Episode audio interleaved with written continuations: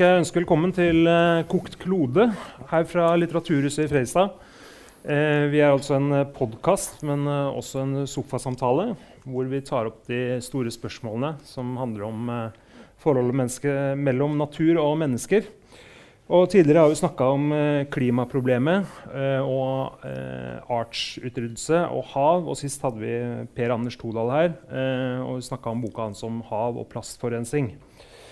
Eh, I dag skal vi snakke om eh, noe helt annet. jeg tror veldig mange er rysta over de bildene vi har sett på TV om hvordan Amazonas brenner. Og vi er nok alle veldig interessert i å høre hva som er årsaken til dette her. Og for å belyse dette problemet i dag så har vi med oss eh, Øyvind Eggen. Eh, han har vært eh, forsker i Norsk utenrikspolitisk institutt, har eh, doktorgrad i bistand og utvikling og er i dag eh, sjef for Regnskogsfondet.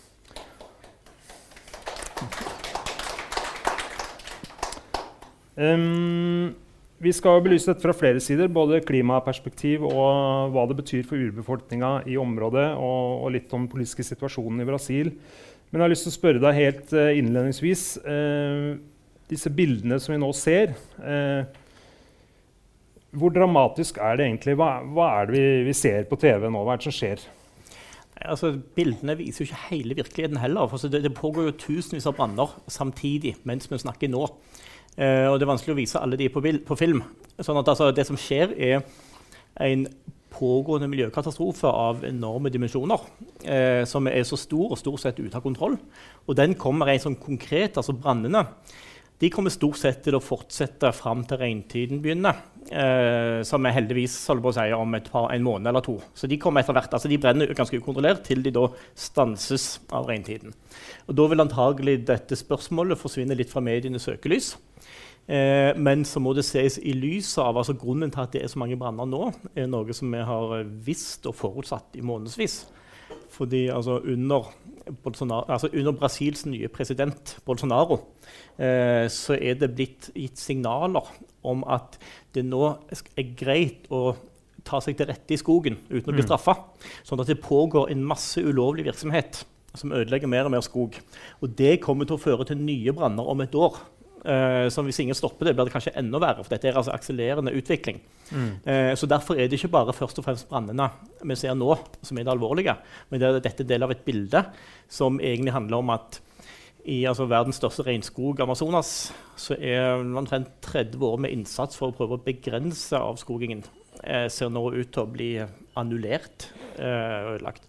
For sånn som det har vært, så har det i hvert fall sånn som vi fra utsiden har sett det ut fra media, så har det vært eh, mindre og mindre avskoging de siste årene. Det har blitt litt bedre. Og så brått har det skjedd noe nå det siste året. Hvor mye mer er det som avskoges nå i forhold til for to år siden f.eks.? Altså, hvor store områder er det snakk om? Ja. Um, altså, vi bruker satellittdata. Det tar litt tid å tolke sånne data. så det, det er litt vanskelig å tolke alt fra satellitt, men satellittdata tyder på at uh, det ødelegges ca. tre ganger mer skog per måned nå enn i fjor. Tre, eh, tre, tre ganger så mye nå? To til tredobling er det egentlig i avskogingstakten. Og Det er jo veldig dramatisk i seg selv, men det må òg ses i lys av at dette skjer samtidig med ny politikk, som gjør at vi tror, all grunn til å tro at dette kommer til å fortsette å bli verre. Og For å vise litt størrelsesorden så satt jeg på toget og regna her, og jeg fant ut at det går ganske nøyaktig arealet til Moss kommune hver dag bare i Brasil. Jeg valgte Moss og ikke Fredrikstad, for Moss er mye mindre. så det passet bedre inn i tallene. Men, altså, uh, så det, det, viser altså størrelsesorden her. Det er ganske dramatisk. Hmm. Hvor, mye er det, mye er det som har gått med i løpet av sommeren? Kan man si noe om uh, Vi snakker vel om eh, nærmere 6000 kvadratkilometer. Eh, og vi bruker ofte Vestfold som målestokk, og det er nesten tre ganger Vestfold. Tre ganger Østfold? Vestfold. Tre ganger kanskje, stort som Vestfold, ja. Jeg husker ikke arealet Østfold. jeg beklager. Nei, nei, men, men, på det. det sier jo noe om, om, dimensjonene på hvilke områder som er brent ned her. Og dette, altså, dette er jo, altså, Vi kan snakke om klimaeffekter, og sånn, altså, men dette er områder som er så rike på biologisk mangfold at man regner at en hektar av regnskog har omtrent like mange arter av høyerestående organismer som hele Norge. Eh, sånn at altså, liksom den, altså, den tapet av natur som skjer nå, er bare helt hinsides hva vi kan fatte. Mm. Ja, hva slags natur er det? Vil du beskrive kort? Eh? Altså, det er jo ekstremt Men vi har jo sett på bilder sånt, altså, det, det, er veldig tett og fuktig skog. Eh, som òg eh, har det ved seg at den er enormt gammel. Den har stått i 60 millioner år. Og det har lagt, og med stabilt klima, som har lagt til rette for at det er en enormt biologisk mangfold. Med, altså, nesten, altså, det nærmer sånn, altså, Hvert tre har liksom sine små mikronisjer hvor insekter sånn, kan finne akkurat sine nisjer. Og, sånt, og Det er grunnen til at du har så enormt stort mangfold der.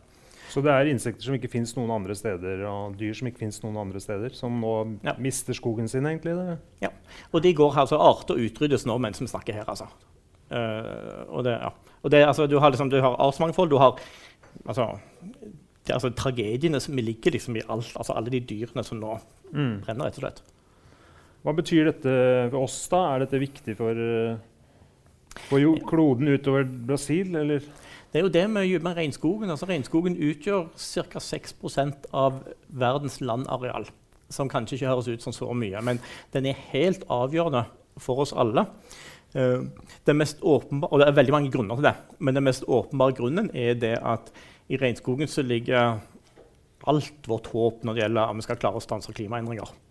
Uh, bare for å vise størrelsesorden så er det beregna at uh, hvis Amazonas skulle forsvinne, så vil det tilsvare inntil 140 år med menneskeskapte utslipp bare da. Så vi kan bare se for oss det, altså hvis, denne, hvis, dette fortsetter. Altså, at vi, det, Da er det snakk om klimaendringer som vil overgå alt vi har sett til nå. Heldigvis, altså jeg må skynde meg å si at det er ingen som tror heller ikke meg, som tror at all regnskog forsvinner. Så det, vi, vi ender ikke der, men det viser størrelse, sånn det viser dramatikken her. Så altså like mye utslipp som egentlig vi har sluppet ut siden den industrielle revolusjonen? Ja, og dette er jo de årlige utslippene nå som er høyere enn. altså så det, det vil jo være mer enn det. Eh, men så er det flere andre grunner til at Amazonas altså regnskogen er så viktig. Eh, og én ting er knytta til matproduksjon i stor grad.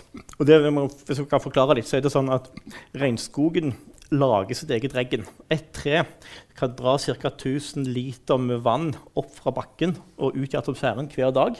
Det ramler ned igjen. Eh, og blir, altså det blir regn, som da holder ved like samme skogen. Uh, det, altså, sånn sett så er det sånn at Regnskogen vedlikeholder seg sjøl gjennom å skape den nedbøren som skogen trenger. Og Det gjelder ikke bare selve skogen, det gjelder også omliggende områder. Og som vi vet, er jo Brasil er jo, kalles gjerne for verdens spiskammer. Det er et av verdens viktigste matprodusenter. Og både norsk landbruk og norsk oppdrett er jo helt avhengig av mat fra Brasil.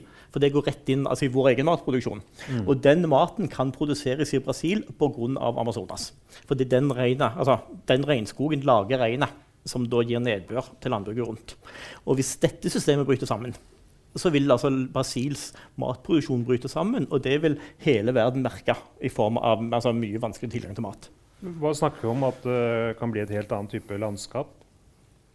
Ja, nå er det Altså, de forskerne som jobber med dette, her, de, eh, de peker på at eh, altså, de, de, det, det, som er litt skummelt her, er jo at man, altså, man snakker om et sånt vippepunkt.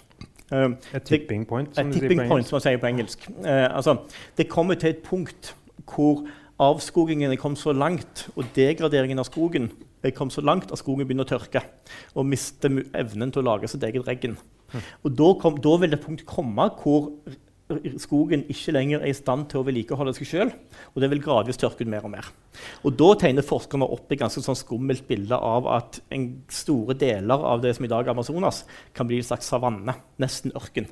Uh, og man kan se for seg sånn, altså, Du kan sammenligne Sør-Amerika med Australia, som er stort sett ørken. Altså, hadde det ikke vært for Amazonas, så, så kunne Sør-Amerika ligna på det. Eh, og det er det vi ser for oss som kan skje. Og dette vippepunktet kommer altså Det er det punktet når det har gått så langt at det fortsetter av seg sjøl, selv, selv om vi skulle stanse hogsten. Mm. Uh, og derfor er det altså, det avgjørende slaget i kampen om Amazonas det er ikke de siste kvadratkilometerne som, som, vil bli tatt en gang i framtiden. Det er de kvadratkilometerne som bringer oss forbi dette vippepunktet, og som dermed gjør at eh, dette vil fortsette av seg sjøl. Og det skumle nå snakker mye her, beklager, men det skumle er jo det at altså, Ingen vet når det vippepunktet kommer, men de forskerne som har jobba mest med det, som publiserer mest, de mener det kommer ganske snart, i løpet av veldig få år. Og da kan det være at det som skjer under Brasils nåværende regjering, eh, som forhåpentligvis ikke sitter så veldig lenge, altså ikke bare blir en sånn, en, et midlertidig tilbakeslag, sånt, men altså hvis den nåværende regjering bringer oss forbi dette vippepunktet, så vil det ha skjedd altså, virkelig varig skade. Og det er det som holder meg litt våken om natten. Vi har jo sett alle fra barneskolen egentlig, alle disse bildene av hvor enormt Amazonas er. da. Eh, hvor mye er det som har forsvunnet i dag i forhold til det som var der før europeerne kom? for å si det sånn? Eh, Amazonas er faktisk en av de, altså den, av de store regnskogene som er best bevart. Ja. Eh, rett under 20% av det opprinnelige Amazonas er forsvunnet til nå. Mm. Og Amazonas er jo på størrelse med jeg tror det er omtrent halvparten av Europa. inkludert. Enorm Det er skog, enormt stor, altså. Så det, det er mye igjen. Ja. Så der, Derfor er det for, sånn sett altså, altså, Det vil være mye igjen etter denne, liksom, denne regjeringen i Brasil. Mm. Forutsatt da at den ikke bringer oss forbi dette vippepunktet. Ja. Et, et av anslagene på vippepunktet ligger på 22 og vi er rett under 20 nå. Oi. Jeg hørte en forklaring en gang om at uh, altså, skyene og, og dampen som kommer inn fra havet, som bringer regn, den ville i utgangspunktet ikke kunne nå helt inn. Altså, kontinentet er så stort, så når det driver inn over Amazonas, så regner det. ikke sant? Og så må det fordampes igjen for å komme lenger inn. Eh, Kan du forklare det? Er det riktig oppfatta, eller? Ja, det er riktig oppfatta. Og, og den enkle versjonen, som er for så vidt veldig presis nok, er å si at altså, vi, vi kaller det en, altså, en sky river, altså en, en elv i atmosfæren. Altså, det går enorme, altså, for Skogen drar i praksis eh, pga. de mekanismene. Ja, Skogen trekker, skogen trekker fuktighet inn fra Atlanterhavet. Ja. Eh, og den hadde stansa ganske fort ved kysten. Ja. Mye av den, nedbør, altså den fuktigheten. Men altså, den blir trukket innover og liksom blir vedlikeholdt og trukket helt inn mot Andesfjellene. Skogen er jo med å trekke fuktighet inn og er dypere inn i regnskogen. Ja, Så hvis den kystnære skogen forsvinner, så blir, det vans blir vanskeligere for skogen lenger inne på kontinentet. Er det sånn? Ja, det er riktig. Så vi, vi ser for oss, altså, du, du kan se for deg et, sånn, et landskap som vil innebære altså, veldig mye tørr savanne i store områder. Og så er det bare de områdene som får liksom, direkte fuktighet fra kysten, fra havet. Eh, ofte langs kysten, da. Så vil fortsatt ha skog. For skogen holder litt på fuktigheten og gjør at det, kan, det er et økosystem som bevares på et vis. Da. Ja. Du nevnte for meg at uh, i verste tilfelle så, så vil, vil man kunne sammenligne med Australia. Noen, altså de, noen av de liksom, scenarioene innebærer at du nærmer seg Vi snakker ikke full ørken, men vi snakker savannelandskap som vil ha helt andre kvaliteter, som ikke vil ha evnen til å ta vare på nedbør. Sånn at altså, Det vil fortsatt være en del natur der. Men altså eh, evnen til å da forsyne resten av Sør-Amerika med nedbør til å dyrke mat, den vil bryte helt sammen. Og Det er det som er en av de skumle sidene. Og du sier også at vi er ganske nærmt et sånt bicking point, kanskje. Ja. Um, Nå er det, altså, det, det er ulike anslag på det. Men Mm. altså, ingen, av det oss, ingen av anslagene gir oss mye tid. Men eh, forhåpentligvis har vi en, fortsatt en del år igjen før dette vippepunktet nås. Uh, hva vil dette bety? Altså, du har også sagt noe om at uh, ja, Du var inne på det, men regnskogen lagrer veldig mye karbon. Så Mm. hvis den forsvinner, så vil det komme opp veldig mye mer karbon i atmosfæren som forsterker klimaeffektene. Ja, altså for klima, altså det, det regnskogen gjør for oss når det gjelder klima, er både at den lagrer veldig masse av karbonet i utgangspunktet, og den lagrer selvfølgelig mye i tremassen, men òg mye under bakken, for det er veldig mye torv. Det, er- altså, Ja. det er jo en torv, altså Torv dannes 60 jo altså. millioner år med torv. Ja. Ja. Eh, som ligger og som innebærer enorme mengder med karbon som da lagres. Og det vi vet om torv, er jo det at vår torv eh, ligger trygt og godt. Mm. Når torv tørker, så er det jo brensel. Sånn at hvis det tørker ut, så vil altså skogbranner kunne vare i måneder og måneder. Eh, fordi altså torv renner så godt. Så, eh, altså sånn, så det lagres veldig mye karbon, men i tillegg så trekker jo altså Noen anslag sier at, du, altså, at karbonmengden altså, Jeg er litt forsiktig med å bruke sånne tall, for det er så mange forskjellige anslag i, for, blant forskere.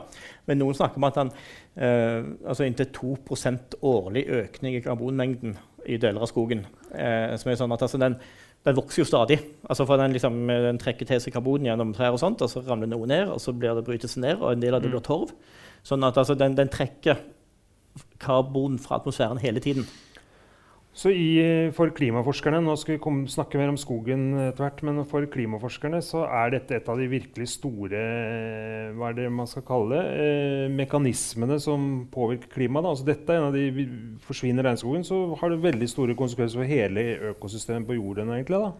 Ja, det har det. Men altså, det, det, blir, det, høres litt dystert ut, det vi snakker om nå. Men altså, man kan jo òg si det sånn at eh, regnskogen er kanskje den billigste klimaløsningen vi har. Fordi altså, Hvis du bare tar vare på regnskogen, så har du, bare, så har du altså, gjort et så altså, enkelt bidrag til å bremse mm. klimaendringer. Ja. Eh, og det er gjort beregninger av altså, de, de, klimaløsningene som ligger innenfor det man kaller affordable, som, altså, som ikke er så veldig dyre. Eh, så mener man at ca. en tredjedel av løsningen ligger bare i å bevare skog. Ja. Eh, og det, det, altså, sånn sett så ligger det veldig sånn lavthengende frukt rett foran oss. Eh, det bor jo folk i skogen nå. Eh, hva slags mennesker er det som lever i, i regnskogen, egentlig? Eh, det er for så vidt mange forskjellige folk. De vi ser mest av, eller hører mest om, er jo det, altså, urfolk som lever på mer eller mindre tradisjonelt vis. Eh, I brasilsk Amazonas er det ca. en million mennesker som lever på tradisjonelt vis i skogen. Så mange, ja. I, ja. I tillegg er jo mange andre som benytter seg av skogens ressurser. Og i Brasil er det også, altså, det er bl.a. etterkommere etter slaver fra lenge siden som har funnet steder der. Det er mange, folk, mange andre folk, altså veldig mange som bruker skogens ressurser. Eh, og som da er direkte trua. Altså, og det er jo svære byer der og sånn uh, også. Ja. Mm. Det, det, det, er absolutt. Altså, det, det, er store byer, og det er mange sånn mellomstore byer som egentlig er etablert rundt ulovlig virksomhet. Mm. Altså gullgraving og sånt. Som òg er sånn som du ser mye av hvis du ser på bilder. Nå var det urbefolkninga jeg hadde tenkt å spørre om, selvfølgelig. For det er framstår som veldig eksotisk for oss her i Norge. Mm, hva er det du, ja, Nå har du sagt hvor mange det er. Opp til en million mennesker. Hva, hva betyr det for de eh, om de mister leveområdene sine? Hva, hva skjer med de? Altså, det har vi mye erfaring med, for det har skjedd for veldig mange veldig lenge. Uh, og det er jo noen som tenker at folk som lever tradisjonelt levevis, bør egentlig komme seg inn i moderne økonomi og så få seg et ordentlig liv. Altså, det er jo ikke uvanlig at folk sier og tenker sånn, kanskje. Eh, problemet er at når de kommer inn i moderne økonomi, så havner de absolutt nederst i økonomien. Sånn, det går, altså, all erfaring viser at det går rett og slett ikke bra med dem. Eh, det er veldig tøft for de å flytte til byen. Ja, altså noen flytter til byen, og da går det ikke bra. Noen blir på de stedene omtrent det, altså, som de egentlig alltid har bodd. Men hvis, hvis, det er blitt en plantasje, og de ikke får jobb på plantasjen engang, så blir de sånne kanskje småtyver. eller sånt, altså De har egentlig ingenting å leve av. Mm. Så for de er jo, Men altså, i tillegg så er det jo Det går omtrent ikke en uke uten at noen blir drept i Brasil i kampen for regnskogen. Altså, dette er en kamp for, på liv og død. Sånn at altså, de, de, blir jaga, og de blir drept, og de blir ofte trua. Så det som for oss eh, er litt abstrakt og litt sånn stort, og som absolutt berører oss på sikt, er en, altså en pågående kamp på liv og død som skjer nå. For, for urbefolkningen er jo med på å bevare skogen på et vis?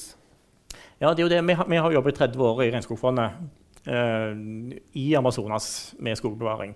Og all vår erfaring viser veldig tydelig at altså, den beste måten å bevare regnskog på er å gi rettigheter til urfolk som bor i skogen. Eh, og delegere til de å ta vare på den. Og dette altså det er så lett å se på satellittbilder. At Hvis du holder satellittbilder du ser på skogen, og du ser på kart over hvor urfolk har fått til, altså tilkjent, tilkjent, sine rettigheter, så er det stort sett intakt skog der hvor de har fått sine rettigheter. Sånn at vårt, vår metode for å redde regnskog er altså å kjempe for rettighetene til de som bor der. Og da blir det jo sånn, altså de de er våre regnskogvoktere. Um, og da ble vi på en vakker måte liksom en del av en stor slags verdikjede. Altså hvor, altså vi, og våre, vi kaller jo også våre støttespillere i Norge for regnskogvoktere. Sånn at vi støtter altså de i deres kamp for sitt eget levesett uh, og eget livsgrunnlag. Men det er òg en kamp for oss alle, for, altså for globale, for klodens framtid. Ja. Uh, og dette er altså, det, det, virker så godt. Uh, og vi har Altså, det er områder på, altså, på flere ganger Norges areal som er, altså, som er, rimelig godt ivaretatt fortsatt, fordi der har urfolk fått tilkjent sine rettigheter. Så urfolken er på en måte frontkjemperne i forsvaret av regnskogen? da? Det kan du si. Ja. Eh, Eh, Jeg leste akkurat, Du var jo inne på det, men altså Det var vel Human Rights Watch som var ute nå og sa at eh, det hadde vært 28 drap på miljøvernere og urfolks og folk som jobbet for å bevare regnskogen bare den siste måneden, tror jeg. det, ja, jeg tror det var siste året. Jeg er ikke helt sikker på tallet der. Nei. Eh, og bare to av disse hadde ledet til tiltale. Det er jo det vi ser, og vi ser det hele tiden, for vi får mange av de rapportene. Og de aller fleste drapene blir jo ikke registrert eller rapportert som det. For det, det, liksom, det, det, altså en trafikkulykke eller liksom et sånt, det som ser ut som kriminelt drap kan ha sammenheng med folk som kan. Så det er full krig om denne skogen mellom eh, folk som ønsker å gjøre noe annet med den, og de som lever der i dag.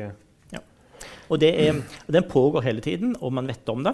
Eh, det var et område det var vel i juni omtrent vi fikk rapporter om at eh, altså, vi var observert veldig mange gullgravere, hvorav flere med, med våpen som var på vei inn i et område, et reservat. Litt senere hører vi om et drap som var begått der. Sånn at du kan se på forhånd at det skjer, eh, at det kommer til å skje noe sånt. og så blir Men det, det tatt blir ikke etterforska, eller er det, det høres jo helt korrupt ut? da, eller noe sånt. Ja, men altså store deler altså, Brasil er normalt et velfungerende samfunn som har mye kontroll på ting, men akkurat det som skjer i skogen, er, det er ren lovløshet. Ja. Uh, med hvor det er, altså, det er korrupsjon og vold. Men hvordan kan dere beskytte de som Eller hvordan jobber dere for å beskytte og hjelpe de som lever i skogen, og bevare deres livsgrunnlag, da, og mot dette her eh, mafiaregimet som dreper folk, holdt jeg på å si? Ja. Det vi har gjort normalt, altså vi har de siste årene lagt mye vekt på, er altså politiske, altså jobbe for politiske endringer, for altså lovbeskyttelse eh, og mye juridiske endringer. Vi har jobba litt i forhold altså, med rettssaker og sånne ting, for vi har liksom hatt rettsapparatet som Mm. et viktig virkemiddel. Eh, og det må vi jo for all del fortsatt holde fast på. Men altså, akkurat nå, når, når budskap som er gitt fra sittende regjering, er at man skal ikke ta det så nøye lenger med å følge opp lover, er at nå endres litt. Så vi har endra vår virksomhet. Vi legger nå mye mer vekt på direkte arbeid for sikkerhet. Som er altså konkret sånn at altså, noen som er spesielt utsatt for støtte til å flytte til tryggere hus eller sånne ting, og at vi, liksom, vi prøver å holde oss orientert når trusselbilder. Uh, og, det er sånn, uh, og vi prøver å registrere litt og sånt. Mm. Men det er jo ikke lett. Altså, vi, ikke, vi, vi kan jo ikke drive håndheving av lovgivning Nei. i et annet land. Så det er ikke lett. Kan du si noe om uh, hvordan har dette endret seg? Du er jo inne på det nå med den nye presidenten Boljanos. Ehm, har det vært forandringer i så måte fra hvordan det har vært Hva er de store endringene her nå? Altså, en ting, Politisk? Ja, altså, når vi snakker om det med sikkerhet og sånn ennå, så er det jo så, eh, Jeg var for noen få uker siden i juli så var jeg på besøk og besøkte en del av våre partnerorganisasjoner. Og jeg merka den altså den frykten som lå over altså folk, som, som jeg ikke har merka før. Som var, som var liksom sånn, altså, du merker sånn, altså Folk er blitt redde. Eh, veldig mange tør ikke gå fram i media. Eh, de er litt glad for at vi kan gjøre det, for vi sitter litt tryggere som utenfor landet. Eh, altså, man fjerner sine fysiske adresser fra hjemmesidene på organisasjonen sin. for man er liksom, liksom, liksom vet ikke helt hva ting kan føre til. Og I Brasil er jo det ikke så lenge siden de hadde militærdiktatur. Så jeg tror man er liksom, det, er altså, det, det er mye frykt som har etablert seg nå. Ja, hvor lenge siden er det? Sju år? Nei, eh, nei tredje, det er altså 80-tallet var Ja. det, eller rundt, rundt Da var det 90. militærdiktatur i Brasil. Eh, Og så har man hatt en demokratisering og Og så har man hatt så mange fremskritt. Det har Ja. vært alvorlige tilbakeskritt òg for vår sak. Ja. Men altså, det har gått stort sett altså, veldig fram med landet, både økonomisk og politisk. Det har vært politisk vilje. Eh, Norge har jo, også, norsk regjering har jo bidratt en del på dette her med å altså, være villig til å betale for en god del tiltak og sånt. Så ting har gått liksom, rimelig bra. Og så er det nå Det har snudd. Altså 30 år med en stort Ja. sett framgang er nå snudd til noe som ikke vet helt enden på, vet omfanget av. Pga. Boljanos, mener du? Ja. Kan, hva slags eh, type er han, da? Hva er dette for en eh, president? Han er Det er jo lett å tenke på Trump. Han kalles jo for tropenes Trump. Uh, og det er ikke en dårlig sammenligning. Uh, og det jeg tror Altså, det, altså han, den type populistisk politikk som han står for, er for det første så er en veldig avhengig av fiendebilder. Eh, altså det liksom, den, den lever på konfrontasjonen. Uh, og han har av alle ting valgt urfolk som en av de som han virkelig sånn går, går, mot, og miljøorganisasjoner. Mm. Han har jo påstått offentlig at det er miljøorganisasjoner som har satt på disse brannene. Som har, som har tent fyr på skogen. Som har satt fyr på skogen? Ja, ja. For å få oppmerksomhet. Dette har han sagt offentlig. Så ja. det er den typen altså. Så han, han lager liksom, det, det, er helt ville bilder eh, som han da ser ut til å leve i. og som da leder til det vi har nå. Det, den, den, gode nyheten er jo egentlig at eh, brasilianere flest er imot å ødelegge regnskog. Eh, har vært, mange har ikke vært så veldig interessert i det. Kanskje fordi altså, regnskogen er langt fra der hvor folk flest bor. Men eh, på sånne spørreundersøkelser så ser du helt tydelig nå at en stort flertall er imot å ødelegge skog. Mm. Sånn at han har ikke folket med seg på dette. Eh, og det gir jo litt håp. Eh, vi må jo snakke om hva som er eh, de litt sånn uh, underliggende driverne bak dette. her. Hva er det som gjør at uh, regnskogen egentlig blir hogd? Hvorfor er det man vil brenne den ned? Uh, hva er det man får i stedet? Ja. Eh, grovt sett så er det, altså, det, det er en liten sånn knippe med det vi kaller driver- og avskoging. Eh, og mye, altså en del sånn, det er infrastruktur og det er gruvedrift og litt sånt, men de aller, aller viktigste er landbruk og det er stort sett landbruk for å produsere kveg eller soya. Så langt størstedelen av det som nå skjer av avskoging, er drevet fram av det. Mm. Uh, og i tillegg er det litt sånn, det, det, altså det henger litt sammen, da, men eh, den økningen nå i det siste henger nok også sammen med at folk forventer at naturreservater og områder skal bli få mindre beskyttelse i framtiden. Så de prøver å rydde mest mulig skog, sånn at de kan kreve eierskap hvis det blir mulig å kjøpe senere de liksom krever hevd eh, liksom på, på, områder. Eh, og så skynder de seg. Så, så, så, nå er avskogingen ikke bare drevet av sånn lønnsomhetsvurderinger av om det er lønnsomt å drive med mer kveg, men at man rydder stort område. Sender man ut noen få kveg, ikke egentlig for man er interessert i kjøttet, men bare for å ha, liksom for å ha hevd. Så det òg ligger litt. Men, det er eksportvarer. ikke sant? Hvor går all den der soyaen da? Nei, En god del av den går til Norge. Ja. Uh, det går jeg uh, husker ikke helt tallene, altså, men det går store mengder soya til norsk landbruk og til norsk oppdrettsnæring. Uh, som For å begge... produsere kjøtt og laks? Vi har, altså, vi har ressurser nok i Norge, altså, vi har mye ressurser i Norge, men altså, intensiteten i kjøttproduksjonen er så høy at vi ikke har nok uh, særlig protein uh, å fôre dyra med. Og oppdrettsnæringen har jo allerede egentlig tømt havet for det du kan ta av ressurser, så nå må de på land for å hente fôr til laksen sin. Og det ja, det, altså det hentes det er billigst og enklest å hente det gjennom soya fra Brasil. Og internasjonalt også er det kjøttindustrien som bruker soya, da, som er en driver. Altså økt kjøttforbruk over hele verden. Altså også nå øker kjøttforbruket i Kina. og ja. Europeerne spiser mer kjøtt enn før. Er det, dette er egentlig underliggende driver da, for Helt klart. Ja. Eh, store, altså veldig store deler av det soyaen eh, altså stør, altså som Brasil produserer, altså eksporteres for å spises av dyr i andre land. Så Europa altså, er ikke noe bedre enn Norge på det at altså, vi er blitt helt avhengig av eh, soya fra Brasil for sin egen kjøttproduksjon. Ja. Men er det sånn at vi må spise mindre kjøtt? Ja, det må vi. Ja. Eh, nå må det sies altså, i, For å være litt rettferdig mot norsk oppdrett og landbruksnæring, så må det sies at den soyaen som importeres til Norge for å gå inn i norsk landbruk og norsk oppdrett, den kommer ikke fra avskoget regnskog.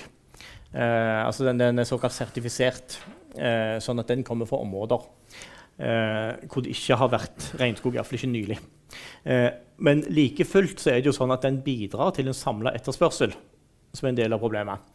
Eh, og, eh, sånn at når vi kjøper den sertifiserte soyaen fra noen områder, så er det andre som òg vil ha soya, og som da kjøper igjen fra nye områder. Okay. Så det driver opp prisene og etterspørselen, da? Ja. Eh, så det, det, er liksom ikke så viktig i det store bildet akkurat hvem som kjøper soya fra hvor.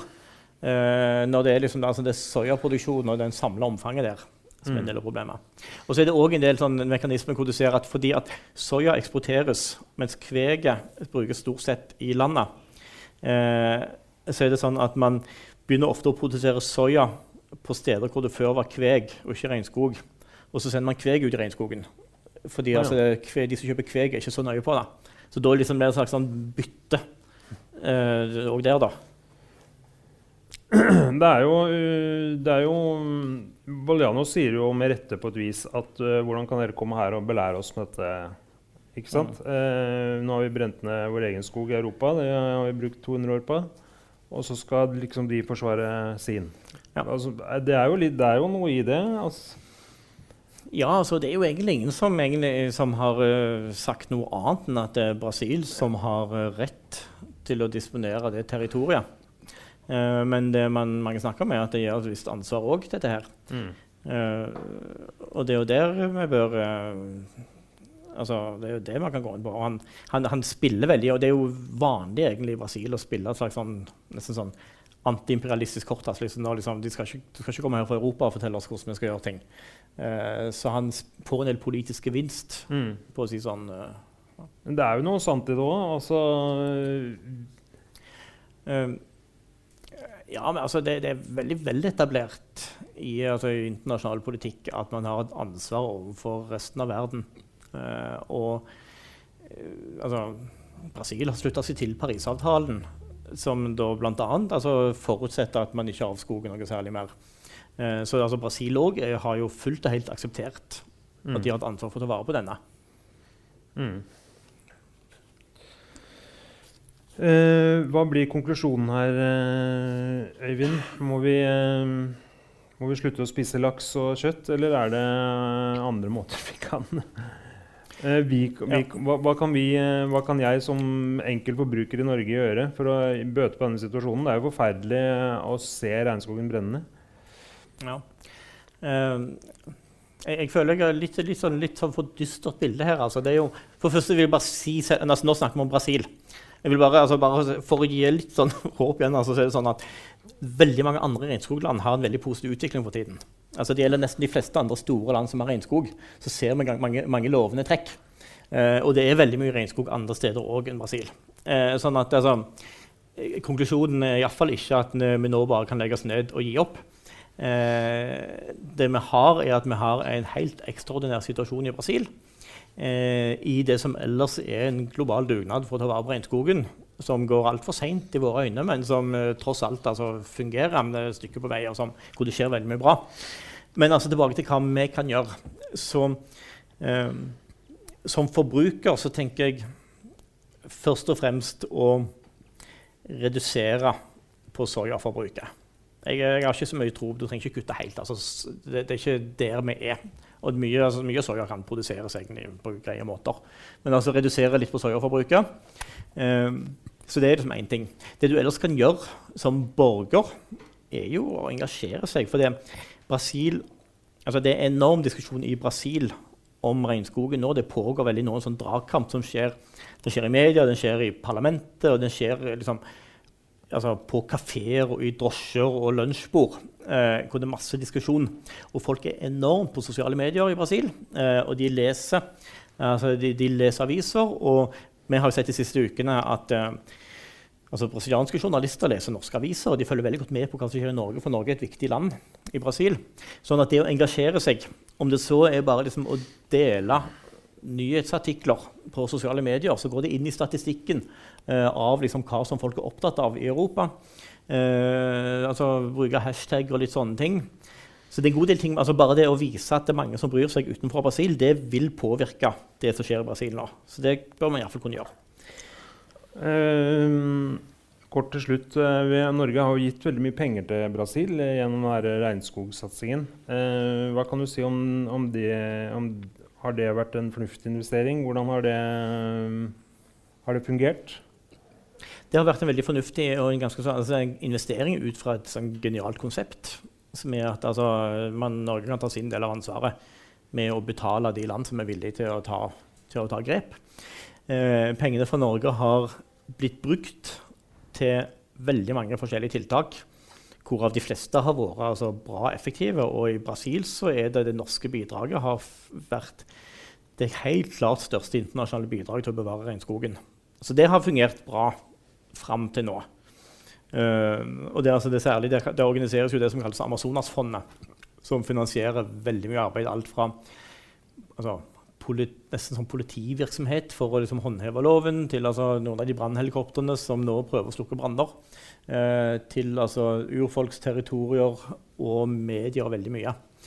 Eh, så det har vært et veldig bra virkemiddel, eh, som nå er trua fordi at eh, Brasil har trukket seg fra sin del av samarbeidsavtalen, eh, som gjør at den er veldig nå kritisk ute. Og det blir veldig vanskelig altså Hvis ikke man får orden på det, så vil ting bare bli verre en, i en tid når man trenger det mer enn noensinne. Mm.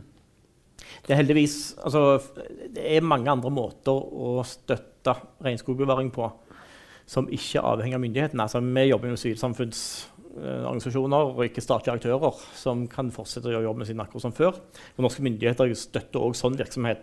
Mm. Uh, sånn at uh, Håpet er ikke ute, men altså, det er klart at du bevarer regnskog absolutt best når du har myndighetene helt med på laget. Mm. Og når du ikke har det, så er det mye mye vanskeligere.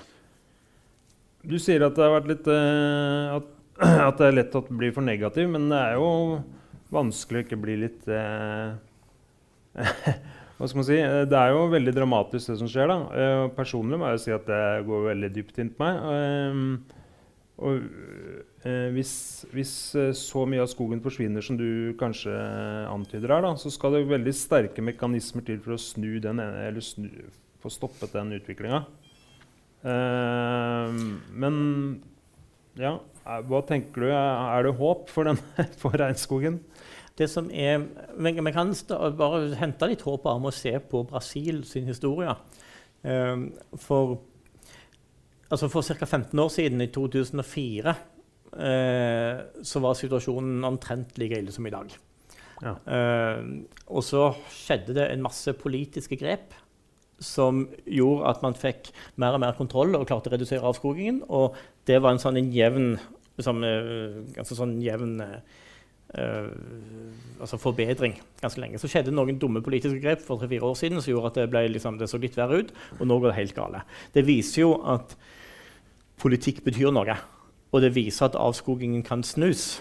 Så det går litt i rykk og napp, og det har vært perioder hvor det har vært mye bedre? Ja.